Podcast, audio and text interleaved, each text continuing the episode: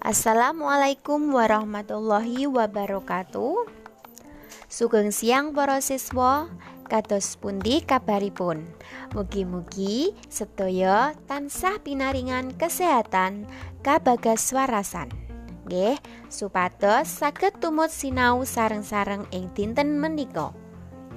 Dinten menika kita badhe sinau babakan teks pawarto kelas wolu semester ganjil. Ingkang mlebet kompetensi inti inggih menika memahami dan menerapkan pengetahuan faktual, konseptual, dan prosedural berdasarkan rasa ingin tahunya tentang ilmu pengetahuan, teknologi, seni, budaya terkait dengan fenomena dan kejadian nyata. Kompetensi dasaripun inggih menika memahami isi teks wacana berita. Indikatoripun inggih menika menulis pokok-pokok isi berita, menulis berita, lajeng membacakan teks berita. Ingkang gadah ancas inggih menika Peserta didik dapat menulis pokok-pokok isi berita yang diperoleh melalui radio, televisi, internet, atau YouTube.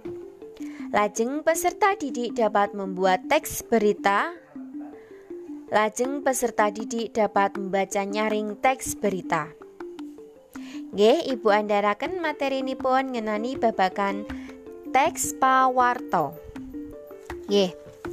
Pawarto inggih menika sarana ingkang dipun damel kita sedaya supados mangertosi perkawis-perkawis ingkang wonten ing papan panggenan sanesipun.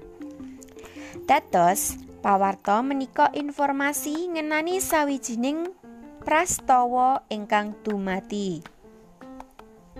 Kedadian utawi prastawa ingkang dipun andharaken menika saged lumantar media cetak ugi media elektronik. Wujud kedadian ingkang dipun andharaken menika saged lindu, rudo peksa, banjir, longsor, lan sanesipun. Wujud pawarta menika wonten kalih. Nggih, setunggal menika lisan, kalih menika tulisan.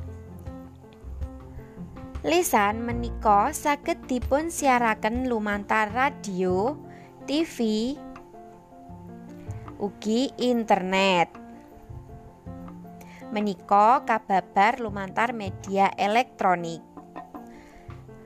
Tulisan menika biasanipun kababar lumantar media cetak.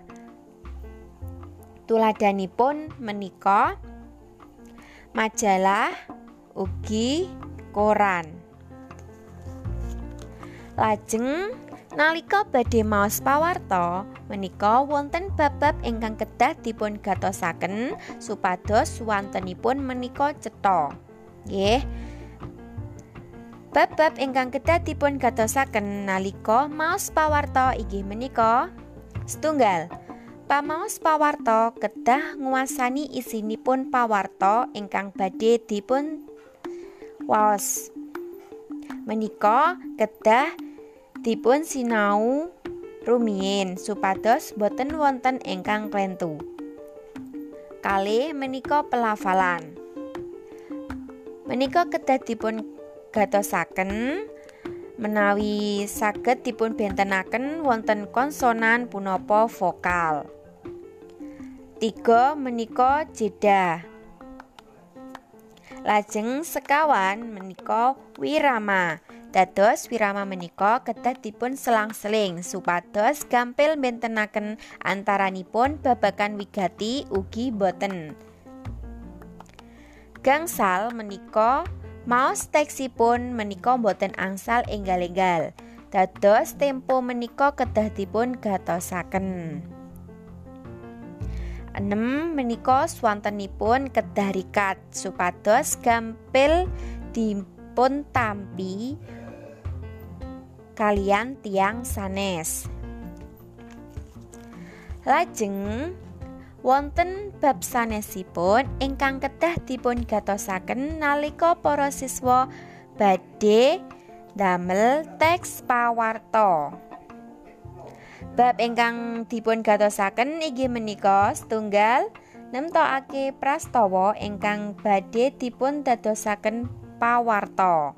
Nggih, prastawa menika saged kedadian kobongan, longsor, lindu, banjir, covid lan sanesipun. Kalih menika sumber pawarta. Dados para siswa kedah gatosaken sumberipun. Amargi wujudipun prastawa menika kedah temenan kalian kasunyatanipun. Tiga menika nindakake wawancara, observasi, ugi dokumentasi supados kita angsal kasunyatanipun ngenani prastawa. Sekawan menika nyerat babab ingkang wigati. Gangsal damel cengkorongan pawarta. Menika wonten tiga nggih. Wonten judul, teras, lan jlentrehake pawarta. Enam menika nyerat isinipun pawarta. Menika nalika nyerat saged tiga utawi gangsal paragraf. Pitu nyunting pawarta. Menika kedah dipun gatosaken supados Pawarto ingkang sampun dipun damel menika boten wonten ejaanipun ingkang klentu.